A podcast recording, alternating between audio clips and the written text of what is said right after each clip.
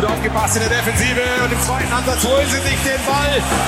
Raffenshagen holt ihn wieder raus, das gibt's doch gar nicht. Und dann macht er ihn aus der Rückwärtsdrehung heraus. Bubauer, das geht gar nicht. Can you believe it? Two seconds on the clock. Abing steps up. Hallo Leute vom Internet. Willkommen bei Spielmacher, ein Podcast von Handball Inside. Präsentiere Ihnen den Moderator Stein Steinhaus und sein Sidekick Bobby Shark. Der geht doch gar nicht. Viel Spaß beim Zuhören.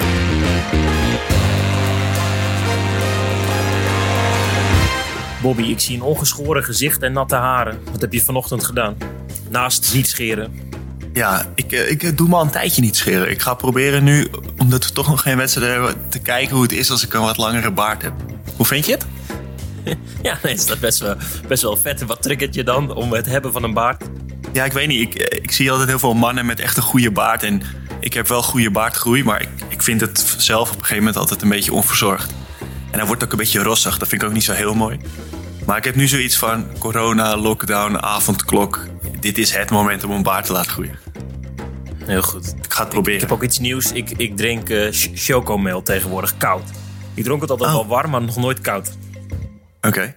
Ah, lekker. Weet je, weet je wie er in het Nederlands team altijd chocomel drinkt? Zeg maar, als je aan een tafel zit en je vraagt iemand nog koffie... dan is er altijd één iemand die zegt, nee, ik wil wel chocomel. Mm. Dan moet je zeg maar vijf koffie en een chocomel halen. Iso-sluiters. Nee. Nee, nee, nee. Luc Steins. Nou? Doe mee een chocomel.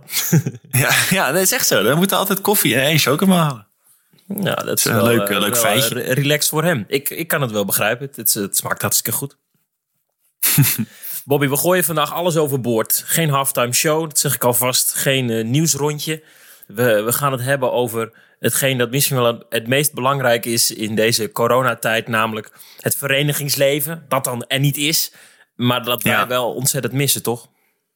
Ja, zeker. Ja, we, we hadden een idee om een, eh, om een ode te brengen aan het verenigingsleven. Voor veel mensen is het toch een heel belangrijk deel van hun eh, sociale leven. Dus eh, dat, dat is natuurlijk al een tijdje weg. Dus het leek ons wel mooi om dat gevoel misschien een heel klein beetje terug te brengen met de podcast.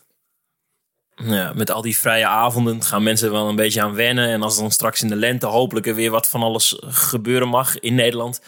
Eh, ja, dan zullen er een aantal mensen in hun hoofd halen om te denken: ah, teamsport, weet je wat, ik, ik schrijf me wel in voor een lesje bij, eh, bij de fitnessschool. Maar eh, dit is het, het tegenmedicijn. Dit ga je missen dan. Dit Ja, gevoel. Ja, wat, wat, tegenmedicijn is niet het juiste woord. Hoe noem je dat? Ehm, weet ik niet. Nee, ik weet het het vaccin. Ik ik bedoelde. Ja, dat is een goeie. Dus we, we hebben ook eh, eh, mensen gevraagd eh, dingen in te sturen. Dus we hebben verhalen ontvangen, goede anekdotes, maar ook zelfs ehm, geluidsfragmenten van mensen die een goed voorbeeld hebben waarom ja, het, het lid zijn van een vereniging of van een club, een team, ontzettend loont. Ja, er zitten wel een paar mooie tussen. Kunnen we verklappen. Stiekem. Ja, heel goed. En we, we, hebben zelf ook, we doen zelf ook een duit in het zakje. Eh, de mensen die wel vaker luisteren weten dat ik eh, lid ben van een eh, hele kleine dorpsclub, HVC. Nog geen honderd leden. Barger Compascum Drenthe. We spelen tweede divisie. Dat gaat ons niet zo heel goed af. Maar ja, het is wel ontzettend fijn om lid te zijn van zo'n team en een club. En dat wil ik ook graag eventjes laten horen door middel van wat, wat dingetjes. Daar gaat het uiteindelijk om. Daar is deze podcast voor. Ja, zo is dat. Dus als mensen wachten op nieuws over Estefana Polman of contractverlenging van, nou, eh Tess Westen, dat gaat niet gebeuren. We gaan het over eh, veel meer belangrijke dingen hebben dan dat. En zelfs Kees van de Spek komt niet aan bod. Ah, fuck. Ja. En Alberto Stegeman was onlangs, ik kreeg een DM'tje van Iso Sluiters. Die zei, Alberto Stegeman zit in Dit Was Het Nieuws staan, je moet kijken. Ik heb gekeken, ja. Ik heb gekeken. En? Eh, nou, we kunnen wel iets voor. Hij, hij moet dus. Wist je dat hij moet altijd poepen voordat hij die confrontatie doet? Dat, daar kwam hij mee bij Dit Was Nieuws. Ja, hij zei dat hij dan altijd vlak voor het moment dat hij de confrontatie heeft, dat hij dan altijd heel nodig naar de wc moet. En dat hij dat ook een keer in de bosjes heeft gedaan. En eh nou, had hij een paar anekdotes over. Dus het eh, was een hele interessante uitzending. Heb jij in je meer dan tien jaar profbestaan een, eh, een dingetje ontwikkeld dat jij voor de wedstrijd doen moet? Nee, ik moet wel altijd plassen voor de wedstrijd. Maar dat komt gewoon door de hoeveelheid water die ik drink. Maar nee, verder niet. Nee. Heb je wel eens gehad dat je voor een wedstrijd, vlak voor een wedstrijd, zeg maar een grote boodschap moet doen? Nee, daar ben je dan toch Nee. niet mee bezig of wel? Nou ja, als je moet, dan moet je toch. Daar kan je ook niet heel veel aan doen. Ook weer waar. Dat is lastig hoor. Hars aan je handen en dan wc-papier. nou goed, laten we het er niet over hebben. Maar het is niet, eh, het is niet chill. Mooi, mooi. Hey Bobby, jij bent eh, ehm, voordat jij prof werd en eh, naar Volendam ging, lid van een, van een heuse cultclub. Aristos uit Amsterdam. De ultra's, de fanschare eh, is bekend. Maar eh, heb jij een beetje eh, clubcultuur en het verenigingsleven op kunnen snuiven? Ehm, ja, ik denk het wel. Ik heb tot mijn zestiende daar gespeeld. En voor mij was dat wel altijd gewoon echt, het, het- een, echt een deel van mijn sociale leven. Al mijn vrienden zaten bij mij in het team. Al mijn beste vrienden. Ik was elk weekend op de club. Al speelden we zeg maar uit en gingen we daarna kijken. En de club was zeg maar het, het ding wat iedereen aan elkaar verbond. Zeg maar. Dus voor mij was dat, dat was gewoon een soort van he- heel groot deel van mijn leven. Zeg maar. Dat ik elk weekend was ik daar. eh, door de week was ik daar. Dus ja, dat denk ik wel, ja. Hoe zou je de club en de cultuur kunnen omschrijven? Eh, ook, ook een tijdje eredivisie gespeeld, nu eerste divisie. Eh, prestatie lijkt ondergeschikt aan sfeer. Ja, dat zeker. En toen ik er speelde was dat heel, al helemaal zo. Toen, speelde, toen hadden we drie herenteams, geloof ik. Ik speelde toen in de jeugd. En ja, ik denk toen heette dat regioklasse nog wat het, het hoogste wat de heren speelden. Ja, dat was gewoon, eh, het was gewoon een gezellige kleine club in Amsterdam. En ja, dat is toen op een gegeven moment een beetje uitgestorven. En ik denk dat er op een gegeven moment echt maar heel weinig leden waren nog. Toen hebben ze een fusie gedaan met DSS. En dat heeft eigenlijk ervoor gezorgd dat de club weer tot leven kwam. En die speelde toen eerste divisie. Dus toen was Aristos ook meteen op een hoog niveau. En toen is dat langzaam een paar jaar echt heel goed gegaan. Zijn ze gepromoveerd. En nu zie je wel dat het weer wat minder wordt. Maar ehm, ja, de club leeft nog wel, hoewel het niet heel veel leden heeft. Jullie zijn ook een van de weinige verenigingen in, de, eh, in Nederland die een eigen hal hebben. Die is niet van de gemeente, maar van de, van de club. En ik Ja. geloof dat er een heel berucht hoekje is in die hal. En in de tijden die jij noemt, promotie naar de eredivisie, eh zaten Ja. daar eh, nou, iedere zaterdagavond 50 gekken te schreeuwen.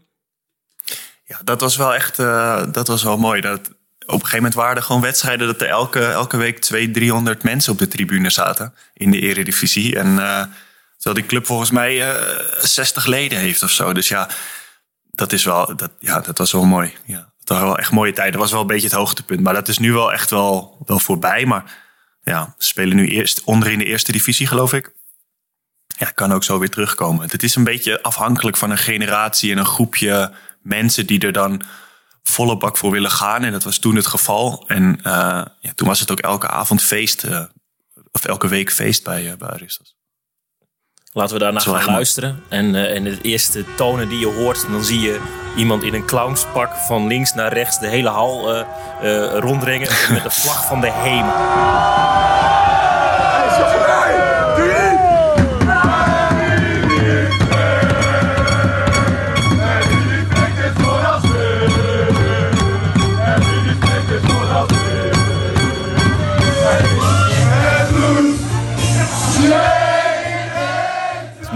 Het is, dit is toch mooi. Het waren echt tijden dat het tegen Hellas speelde en dat er gewoon kaartjes werden verkocht. Terwijl er een, een jaar daarvoor waar, alleen een paar ouders kijken en iemands zus.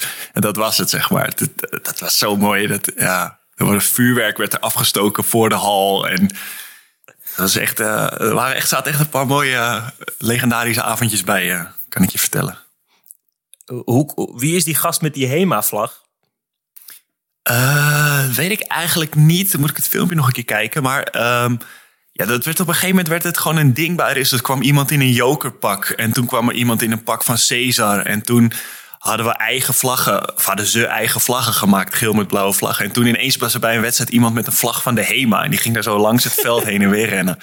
Uh, dat soort dingen dat gebeuren daar gewoon. En ja, dat, dat is echt... dat was mooi. Denk je dat die ploeg ook een rookmachine gepakt omdat, omdat het gewoon uh, de, de tegenstander totaal flabbergasted was, omdat hij geen idee 100 had wat er gebeurde, denk 100 procent. Dat heeft echt voor gezorgd dat, dat ze zijn gepromoveerd. Dat er er zijn gewoon wedstrijden geweest waar ik ook was kijken, waar de tegenstander eigenlijk veel meer kwaliteit had, maar gewoon in de war was doordat er zoveel mensen langs het veld stonden. Uh, scheidsrechters gaven makkelijk beslissingen aan Aristos, omdat er gewoon allemaal gekken in de hoek stonden te schreeuwen. Uh, ze hebben daar gewoon de eerste wedstrijd in de Eredivisie tegen Tagos, geloof ik 19-19, een punt gepakt. En dat was puur alleen omdat er gewoon, omdat die hal op zijn kop stond. Dat kan niet anders. Dat, dat, ja, dat was echt mooi. Ik weet nog, ik weet nog zo'n reportage van uh, RTV Noord-Holland. En die uh, interviewen dan Kevin Kreuger, oud oprichter van uh, Handball Insight. En nou ja, die werd dan omschreven als de meest in het oog springende speler. Want linkerhoekspeler en voorzitter. En dat je tegen dan hoort zeggen van... wij doen niet alsof we cult zijn, wij zijn cult. ja.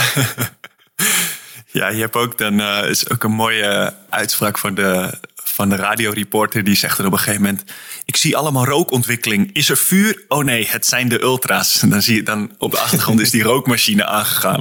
Staat die halve hal blank. Ja, dat is wel mooi. Ja, dit mis je toch? Dit zou toch ook gewoon op het moment zo meteen dat het straks weer mag, moeten alle, alle clubs dit gewoon gaan doen, man. Ja, en het, het daar, ja, precies. Het, het ging daar ook helemaal niet om het sportieve, zeg maar. Het was gewoon een soort van een soort van samenkomst van allemaal gekken. En die, die het gewoon een hele avond naar hun zin hadden. Vaak was de kantine gewoon tot vijf uur s'nachts open. Zaten daar mensen, omdat iedereen gewoon daar de hele nacht bleef. En dat was voor de club ook goed. Die hebben heel veel omzet gedraaid in die jaren. En dat is gewoon de reden dat het nog leeft uh, bij Aristos. Ja, een kantine is sowieso een heel mooi aspect. Clubhuizen zijn nu al, al maandenlang dicht. Bij HVC hebben we geen eigen hal. We komen uit Barge Compascum, een, een dorp van 2000 inwoners. Heeft geen hal. We trainen hmm. in, het, in het buurdorp Zwarte Meer, waar Hurry Up zit. En we spelen onze wedstrijden in Emma Kompas, de, de klabben. Waar ook uh, DOS, onze concurrent, uh, wedstrijden speelt. Op vrijdagavond hebben we ook altijd pas zaalhuur vanaf 8 uur. Dus de hele dag zijn er allerlei volleybal, handbal. En wij, wij om 8 uur. En dan moeten eerst de recreanten erin en dan die en dan dat. Dus om kwart over negen mogen wij als heren erin.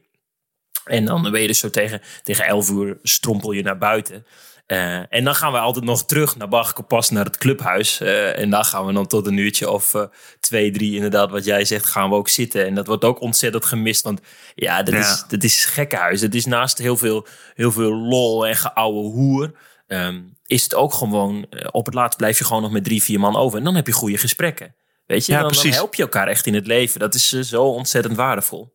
Ja, dat is zo belangrijk. En het zou zonde zijn als dat soort dingen verwateren doordat mensen nu een jaar lang niet bij de club zijn en dat dan een beetje gewoon doodbloed, zeg maar. Dat, dat is denk ik wel voor heel veel clubs kan het best wel gevaarlijk zijn. In, in zaalsporten en teamsporten. Eh, binnen onze trainingsgroep hebben wij Erwin Bos. Die heb jij wel eens gehoord. Dat is ook een linkshander. Daar ben je ook mee op de foto gegaan toen je bij ons in de kantine was. Uh, een 40-plusser. Uh, die eigenlijk een beetje uh, ja, zijn jeugd, zijn handbaljeugd verspeeld heeft door niet te trainen. En die baalt daar nu heel erg van. Want die ziet dat wij sinds wij gepromoveerd zijn naar de hoofdklasse tweede divisie heel graag willen. En hij wil wel mee, maar hij kan dat allemaal niet. Maar hij blijft er toch ieder jaar wel een klein beetje in geloven. Uh, Bossie is van, uh, Erwin Bos, is van de bekende uitspraak uh, op vrijdagavond als we dan laat trainen. Die appt altijd, jongens, als ik niet in slaap val, kom ik. dat is mooi. Ja, dan, hij valt echt ontzettend vaak, hij valt vaker in slaap dan dat hij niet in slaap valt. Maar dan zitten we om 11 uur, kwart over 11 in die kantine. En dan denkt iemand, hé, hey, waar is Erwin? En dan bel je hem. En dan wordt hij wakker op die bank. En dan zeggen we, Erwin, we zitten in de kantine, kom je eraan. En dan komt hij om kwart voor 12 s'nachts, wanneer het al donker is, komt hij aankakken. En dan gaat iedereen springen en juichen. Want ja, het is mooi als hij er is. Ja, is hij wakker, ja. Dat zijn toch mooie dingen. Dat is voor, voor hem is dat waarschijnlijk ook gewoon heel, uh, heel waardevol om, om dat te hebben. Dat is gewoon een, ja, is mooi. Ja, erg eens. Ik, ik ga even een geluidsfragmentje laten horen vanuit die kantine in Barge Compascum, vanuit het clubhuis van, uh, van HVC. Uh, we hebben namelijk altijd een vast ritueel. Als er dan een feestje is, uh, dan aan het eind van de avond komt altijd een, nummer uit India erop. En dan gaan dus en Rick gaan dan op de tafel staan dansen. luister eventjes mee.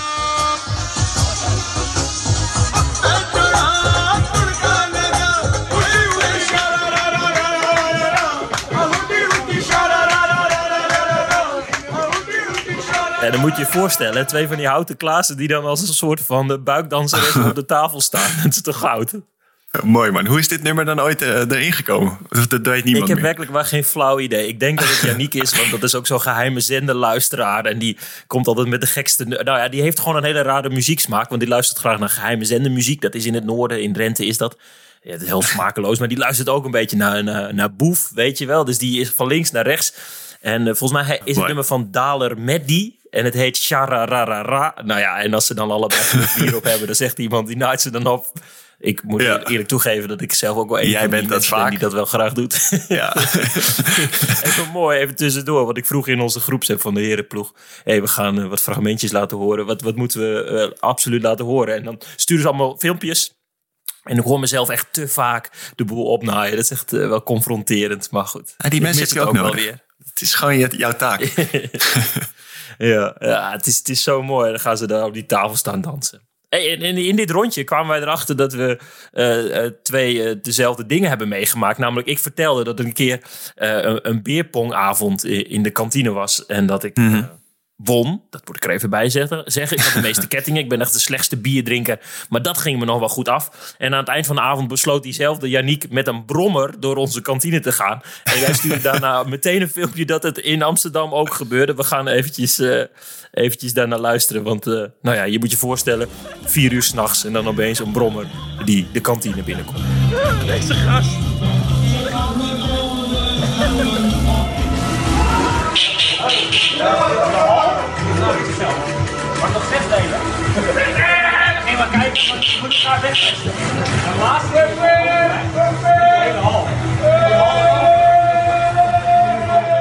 En het mooiste aan het filmpje van jou vind ik dat er dan twee van die gasten bij elkaar op de brommer uh, een beetje zo door die, door die hal ja. heen van jullie gaan. En dat er dan ook nog vier mensen aan de bar een doodserieus gesprek aan het voeren zijn. Ja, precies. Die, dat, die daar niet van opkijken ook. Alsof het elke week gebeurt. Maar Ristos heb je ook zo'n hele lange gang van de kantine naar de hal. En op een gegeven moment zie je ze zo helemaal zo in het niets verdwijnen. Zie je ze op die brommer door die hele gang rijden. Ja, dat is wel mooi. Ja, dat is te gek. Maar ik herken dat zo dat je dan ook gewoon met mensen echt in een steengoed verhaal zit. Of, of gewoon echt in ja. hele kwetsbare gesprekken. En dat het dan zoiets ongelooflijk vaags gebeurt. Ja, bij Ristos kan ik me ook wel herinneren dat ik dan een wedstrijd kwam kijken. En dan op een gegeven moment was het een uur of één s'nachts. En dacht ik, zal ik naar huis gaan? En dan zat ik ook met iemand aan de bar te praten. En dan kwam in één keer de voorzitter in een Sinterklaaspak de kantine binnen. Of dat soort dingen gebeuren ook gewoon. Dat je gewoon ineens denkt, hè? Zie ik dit nou goed? Het is gewoon, ja, het gebeurt gewoon. Dat soort dingen, ja. En toch, en gebeuren toch gewoon. werken dat soort gekkigheden zo ontzettend verbindend. Want je hebt ja. het er altijd nog over. Ja, dat zijn gewoon verhalen die je, die je creëert, denk ik. En het is net als een goede avond stappen, maar dan nogal iets, iets, uh, ja, iets, iets beter of zo. Intiemer? Ja, iets intiemer, denk ik. En ja, ja dat is gewoon uh, verenigingsleven. Ik vind dat altijd wel mooi.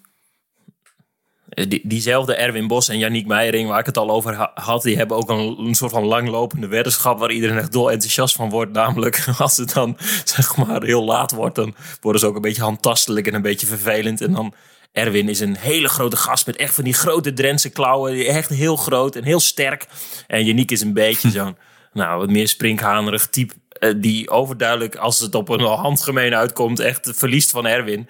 En dan ook uh, naait iedereen Erwin een beetje op. Zo van leg je niet een keer zo plat op de tafel. En dan gebeurt dat ook. En dan heeft je niet weer een grote mail. Maar nu is het dus een langlopende weddenschap dat er een soort fight night gaat komen. Waarbij iedereen geld kan zetten op Erwin of Yannick. En uh, dan, dan gaan we gaan gewoon een potje matten. Oh ja, mooi. ja, toch? ja, ja mooi. En dan, en dan in de groepsapp naait iedereen iedereen een beetje op.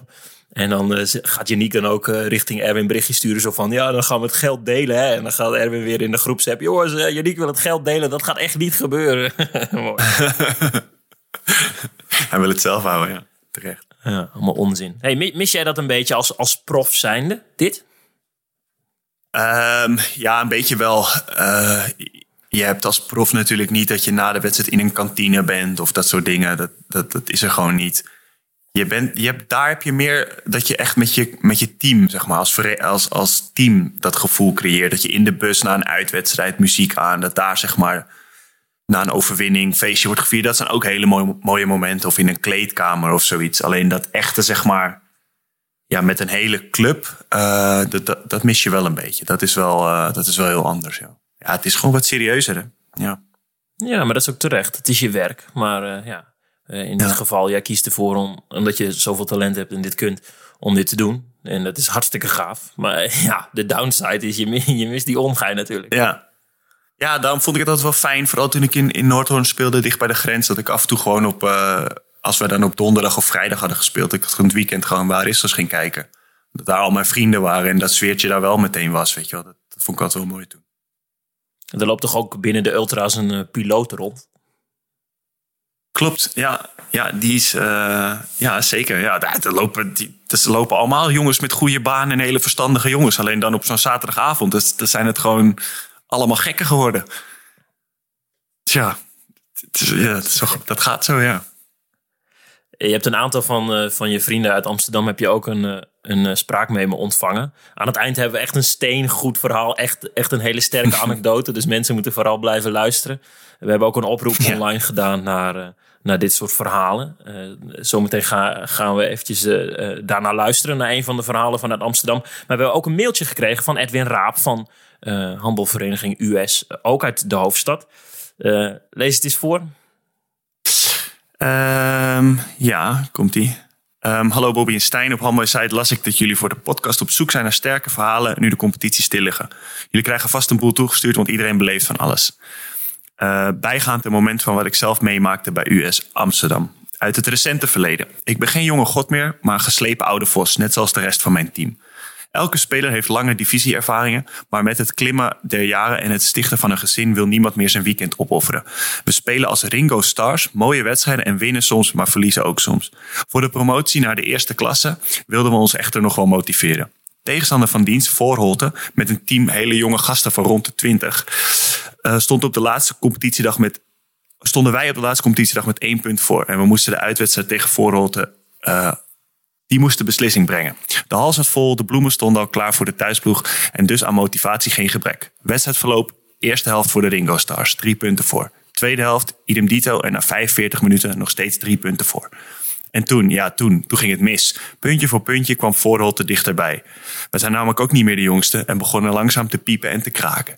Na 50 minuten kwamen ze langs zij en stoomden daarna door. 55 minuten, vier achter, over en uit.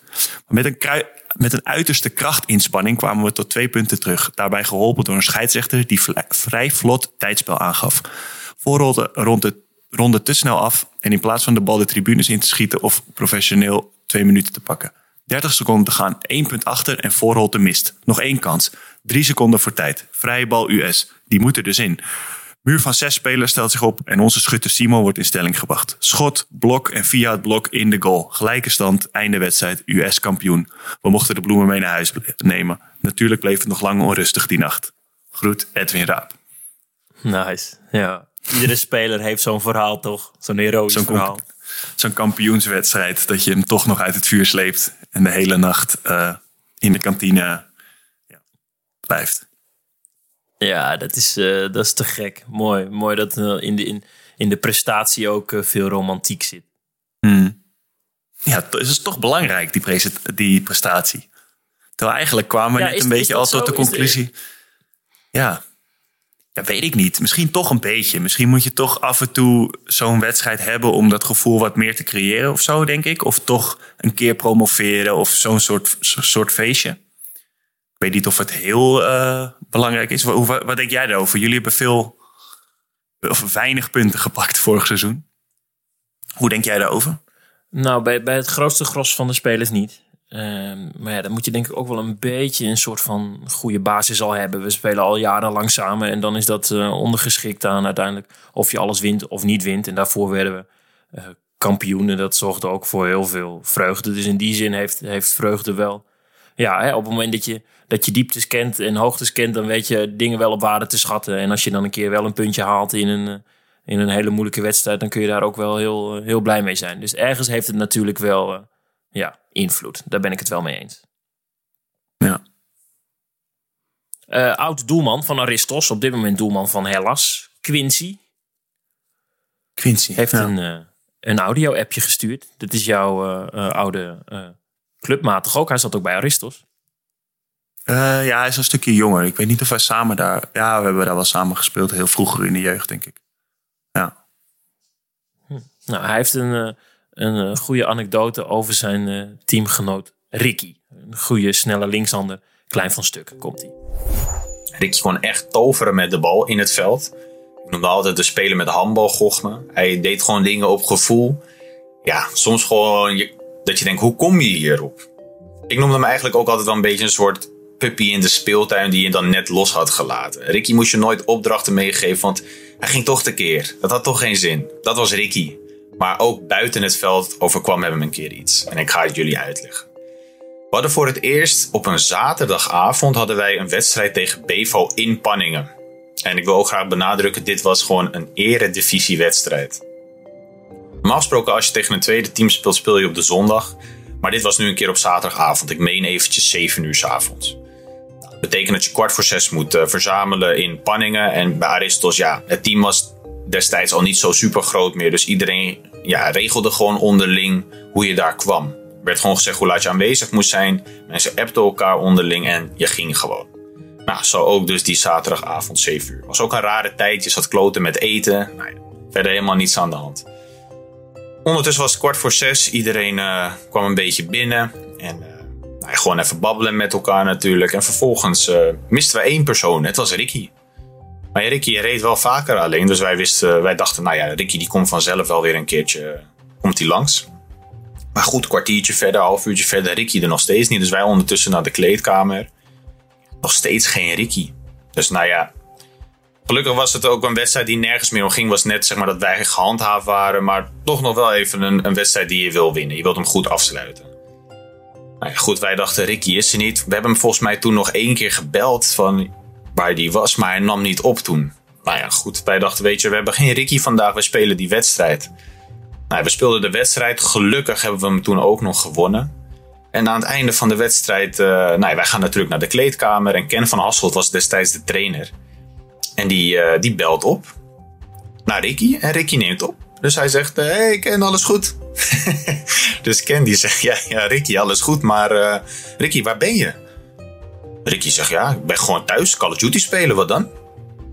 Ja, op dat moment Ken Ricky op de luidspreker in de kleedkamer. Iedereen natuurlijk gierde van het lachen. En Kenny zegt, nou lul, we hadden net gewoon een wedstrijd in Panningen. Leuk dat je er ook was.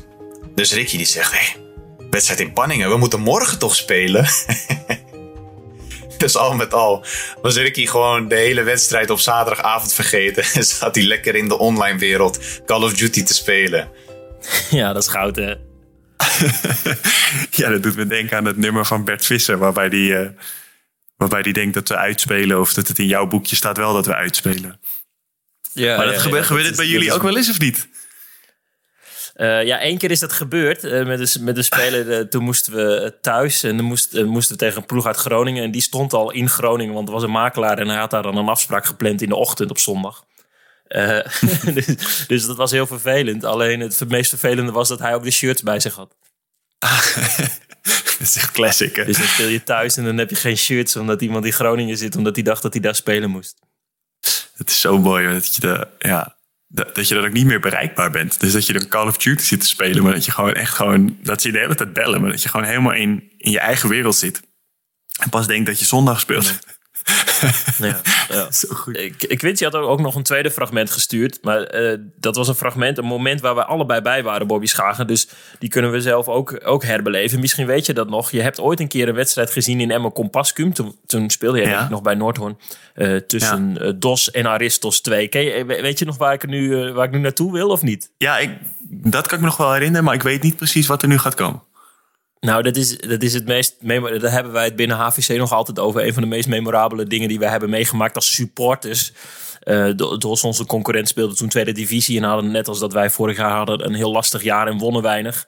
Uh, dus uh, ja, er zaten nog wel, nou, een, een heet hoofd zat niet zo lekker in die wedstrijd. Hij speelt op dit moment op de linkerhoek bij Hurry Up in de Benelux. Dus het is hem goed oh, afgegaan. Ja. Uh, Kevin Bos heette hij. Weet je, weet je nu weer? Begint het weer wat te dagen of niet? Hij, hij, hij, sloeg toen de kleedkamerdeur kapot of zo, toch? Of hij ging ja, ja, naar de kleedkamer of zo. Of verbouwde hij miste volgens mij twee, twee of drie keer op rij miste hij een soort van breakout in, in één minuut.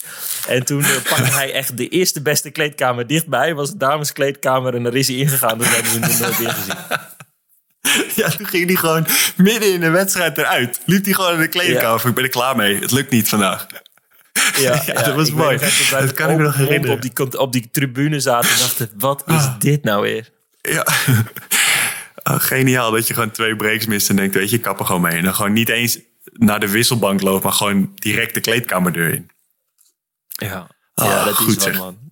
Ja, Maar het is Kevin Bos goed afgegaan, want hij speelt nu, eh, nu in de Benelink. Dus eh, ja, hij heeft eh, in ieder geval mij eruit gespeeld. het zou vet zijn als hij dat daar ook een keer doet. Dat hij dan gewoon uit bij, bij Sporting Pelt of zo, dan gewoon de kleedkamer in loopt. Dat hij dan zegt, toedeledokie. Ja, ik ben er klaar mee. Ja. We hadden het net over prestatie en ik wil dan toch eventjes terug naar een moment vorig jaar, Bobby. Eh was op een, eh, een, een zondagochtend, wij na, na vijf duels nog zonder punten als kampioen van de hoofdklasse A. En toen moesten we naar Tonne Guido, daar hebben we het vorig jaar over gehad ook. Dat is, eh, Ja. god, hoe heet het daar ook alweer? Tonne Guido? Hippolytushoef. Hippolytushoef, ja, precies. Ja. Eh, zij veel beter. We kwamen 6-1 achter. We waren daar zonder coach. Twee geblesseerde spelers aan de kant. Het was, eh, nou, onze, onze keeper was al aan het schelden bij 6-1. Zo van, doe er nou wat aan. Want ze hadden een aantal hele goede grote schutters. Dus wij hebben Joost en Robin, onze beste verdedigers, daarop gezet. En uiteindelijk werd het wonder boven wonder gelijk. En in de laatste vijf seconden kreeg eh, eh, eh, Tonne Guido nog één kans op het scoren van een doelpunt. Dat ging uiteindelijk niet door, omdat een van onze spelers een overtreding maakte. Maar omdat zij best wel eh, wat mot hadden met de scheidsrechters, besloot de scheidsrechter nadat wij heel hard gingen juichen maar af te fluiten. Eh, en dan hoor je nu de laatste vijf seconden en wat vreugde taferelen vanuit de kleedkamer. Met een mooi ontroerend eind komt.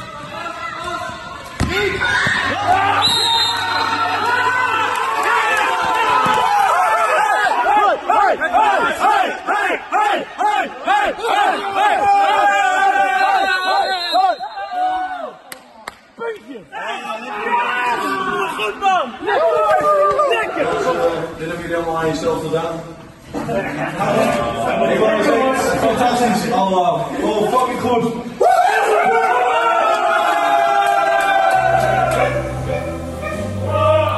Krijg ik nog steeds wel een beetje kippenvel van, eh, Bobby. En niet alleen het juichen, dat is toch mooi? Ik liep toen Ja. uit die kleedkamer en toen hadden ze You Never Walk Alone op. En ik denk, ja, dit moet ik filmen. Want Ja. dit, dit zegt alles over het zijn van een erge amateur in de teamsport. Weet je, eh, Maar dat- 18 duels gespeeld, 16 verloren. En dan hierom zoveel fijne gevoelens hebben. Maar dat valt, dat valt dus echt wel reuze mee. Want dit, deze, dit fragment kun je letterlijk op een Bundesliga-club plakken. Dit gebeurt precies bij ons ook. Als wij een keer een punt pakken ergens onverwacht of iets... of bij Rijn-Nekkerleuwen vorig jaar een punt pakken... dan wordt er ook gezongen onder de douche. Dan heb je precies... de- dat, dat verandert gewoon niet. Dan, zie, dan zijn het gewoon precies dezelfde mensen, zeg maar. Dus dat, dit, dit is gewoon echt heel herkenbaar. Dat is wel mooi om... om- Dat dat zeg maar niet... Dat is helemaal niet anders. Ja, ja. Kameraadschap is dan eh, echt een enorm groot goed, hè? Ja, precies. Dat is ook dat is waar het dan om draait. Dat je dat met z'n allen hebt geflikt. En dat met z'n allen mag vieren. En ja, ik vind het wel mooi. Ik moet ook zeggen dat ik dat steeds, steeds waardevoller vind. Ik ben nu 27. Ik werd op mijn derde lid van AVC. Ik ben nu al bijna 24 jaar lid van deze club. Eh, eh, al tien jaar speel ik dan in, met tussen aanhalingstekens, het eerste. Want het stelt natuurlijk precies niets voor. Ehm, maar nu word je ouder en dan zie je om je heen je oude teamgenoten stoppen. Hè, gezinnen worden gesticht. En ik ben 27 en mijn teamgenoten zijn zo rond de 27. En dan komt toch het, het moment, zet je door in de teamsport. Ga je nog een aantal jaren dit met elkaar eh, uitspelen? Ehm, of, of ga je genieten van vrije tijd? Ga je verhuizen? Ga je werken? Ga je in het weekend eh, gewoon je hardlooprondje doen? En, en ja, ik, ik besef me steeds vaker ehm, dat dit een heel groot goed is. Daarom vind ik het ook zo leuk dat we deze podcast, dit document maken. En dat ik wat van mijn eigen verhaal daarin mag vertellen. Want is het er volgend jaar nog? Dat is de grote vraag. Zijn mensen Ja. gewend aan vrije tijd en zeggen ze: Weet je wat, het is wel goed? Of komt het allemaal nog terug in dezelfde stijl? Ja, je bent wel gewend aan vrije tijd. Maar je gaat dit toch ook missen? Ik kan me niet voorstellen dat je dit zeg maar niet mist als je stopt met handbal op een bepaald moment. Ik, ja, als ik, mijn vader die heeft heel lang in een, ook in, een, in Heren 3 gespeeld. En die waren altijd Heren 3. Die werden vaak kampioen, maar het bleef altijd Heren 3. Dat waren ook gewoon allemaal volwassen mannen, vrienden van elkaar. Allemaal kinderen. Wij kwamen allemaal kijken bij die wedstrijden. En die, dat was gewoon, ze trainden niet, maar dat was gewoon hun uitje in het weekend. Het was een soort, soort ken je All-Stars, die serie op tv? Dat, dat Zeker, was het ja. gewoon. Ja, en ik kan me niet voorstellen dat je dat zeg maar... kijk, als jij ehm, per wedstrijd twee uur moet rijden, dan kan ik me nog enigszins dat voorstellen. Maar als jij op zo'n niveau speelt dat, je, dat het ook niet heel veel tijd kost, het is toch schitterend?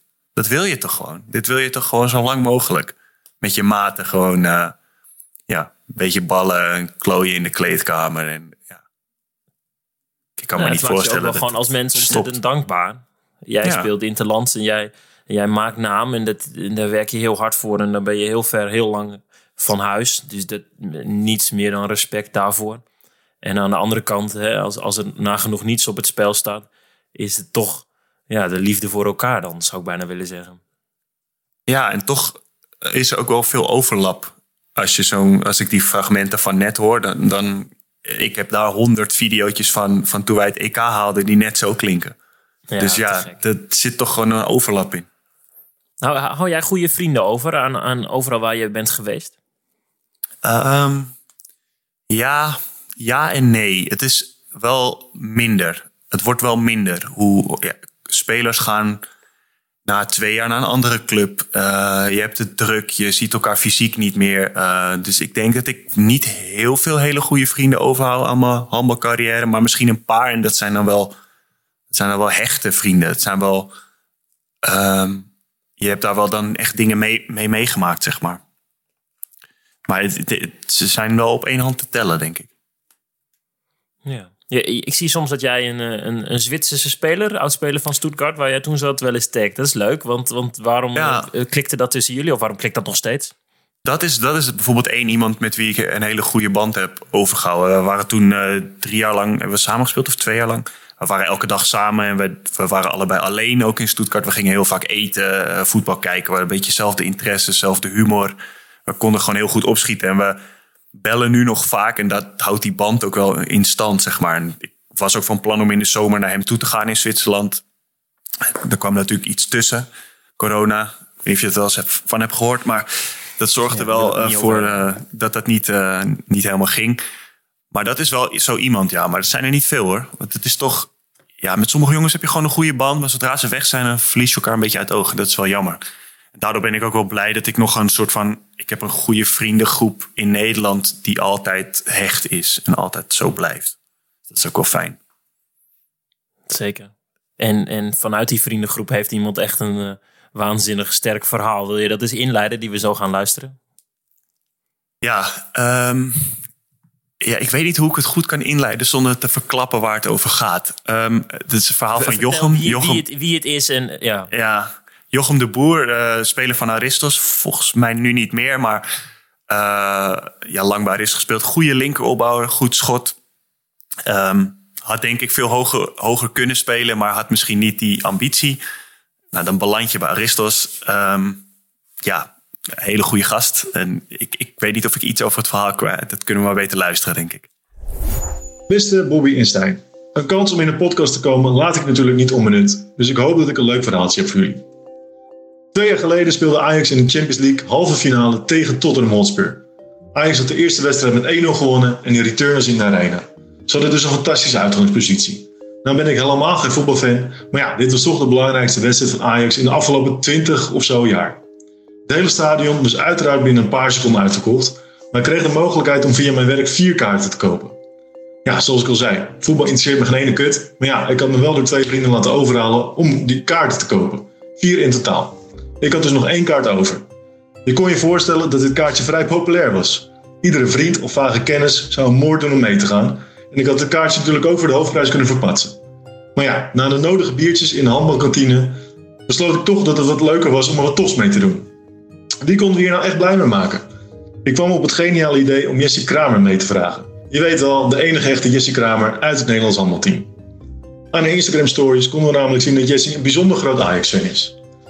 Nou ken ik Jessie totaal persoonlijk helemaal niet en zij mij ook niet. Maar ja, ze is wel een tophandbalster, een lust voor het oog en ze komt op tv altijd bijzonder leuk en sympathiek over. Ik stuurde Jessie een Insta-berichtje waarin ik mezelf voorstelde en vroeg of ze mee wilde naar Ajax. Ze reageerde al vrij snel enthousiast, maar ze geloofde er natuurlijk ook helemaal niks van.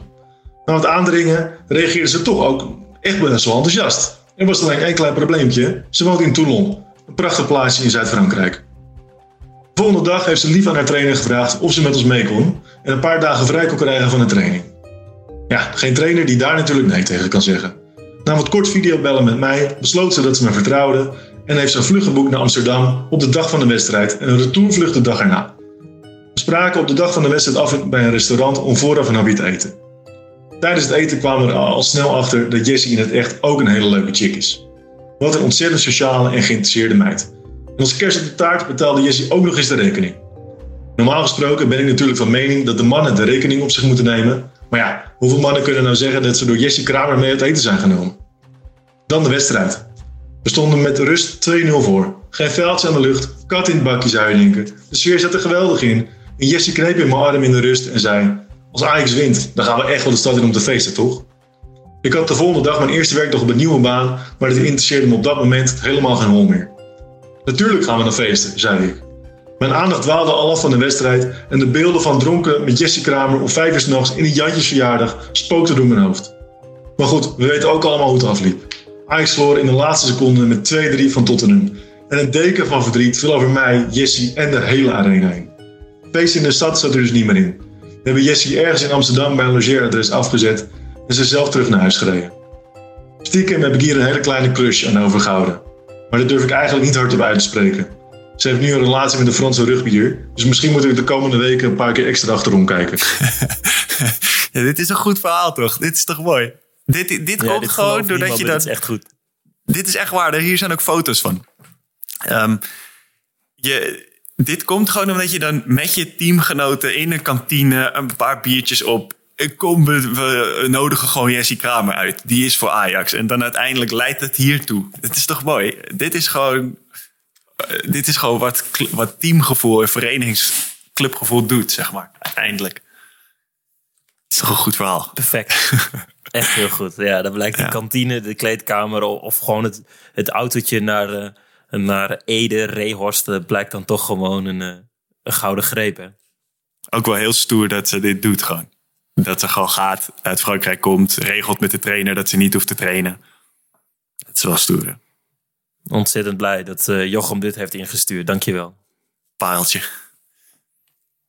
We hebben een, eh, een, een slotvraag geformuleerd, Bobby. En die hebben we links en rechts al wel eens eh, in deze podcast proberen te beantwoorden. Maar het is toch waar het om gaat. Hè? Straks, corona gaat misschien wel weg. We zijn gevaccineerd. We kunnen weer wat doen. Komt iedereen dan terug? Dus, dus voor ons luidt de, de slotvraag. ehm, ja, eh, wat is als, als lid van een club, een vereniging belangrijker?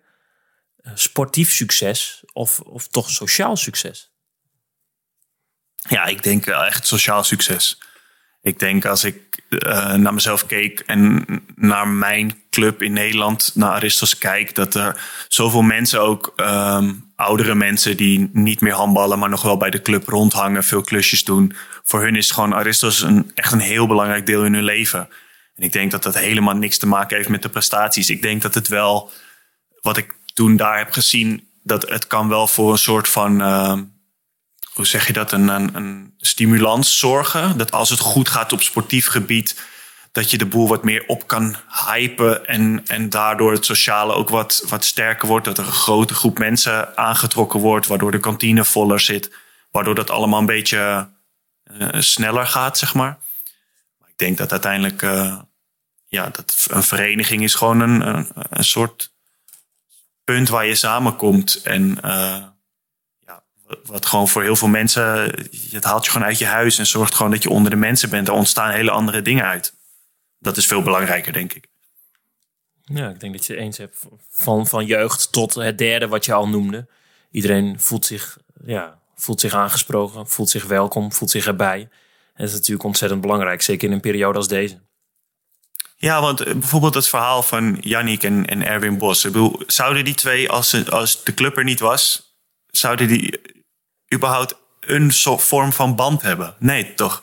Nee, die zouden elkaar niet de tegenkomen. Perfecte Dat- beschouwing op wat we allemaal Ja. nu bespreken. Nee, helemaal niet. Dat- Want die, die, ondanks dat ze uit hetzelfde dorp komen, die, die liggen zo ontzettend uit elkaar. En die zullen elkaar niet eens zien staan, niet eens naar elkaar luisteren. En nu, Precies. omdat de sport en de clubliefde hen verbindt, eh, Ja. ja, gaat het los.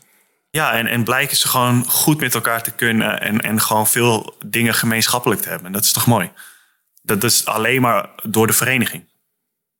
Enorm. En als je dan thuis met na een wedstrijd, na een toernooi, na een verre, verre rit, Ja, dan met een glimlach stap je dan in bed en denk je, wat toch fijn en een groot goed dat ik al deze mensen om me heen heb en dat we elkaar kunnen roeren.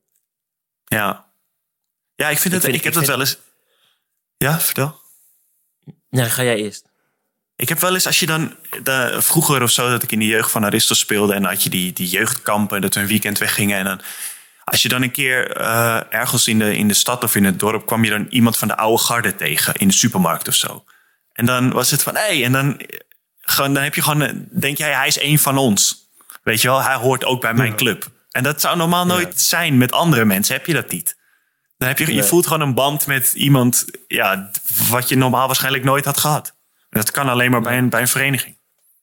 Helemaal eens, ja. En weet je, ehm, ehm, eh, m- mijn huidige vriendin Annelies, waar ik mee, mee samenwoon, die heb ik ook op die manier ontmoet. En eh, ja, misschien hadden Ja. onze, onze wegen elkaar wel niet gekruist. Dus weet je, het is ook Mhm. in dit, op dit moment, dit punt in mijn leven, eh, ja, succes in de liefde. En dat is eh, hartstikke fijn. Ja, tuurlijk. Ja, dat- En, en dat wat jij al zei, hè, we- de, onze paarden, Annelies en mijn paarden, hadden elkaar dan waarschijnlijk niet, niet gekruist.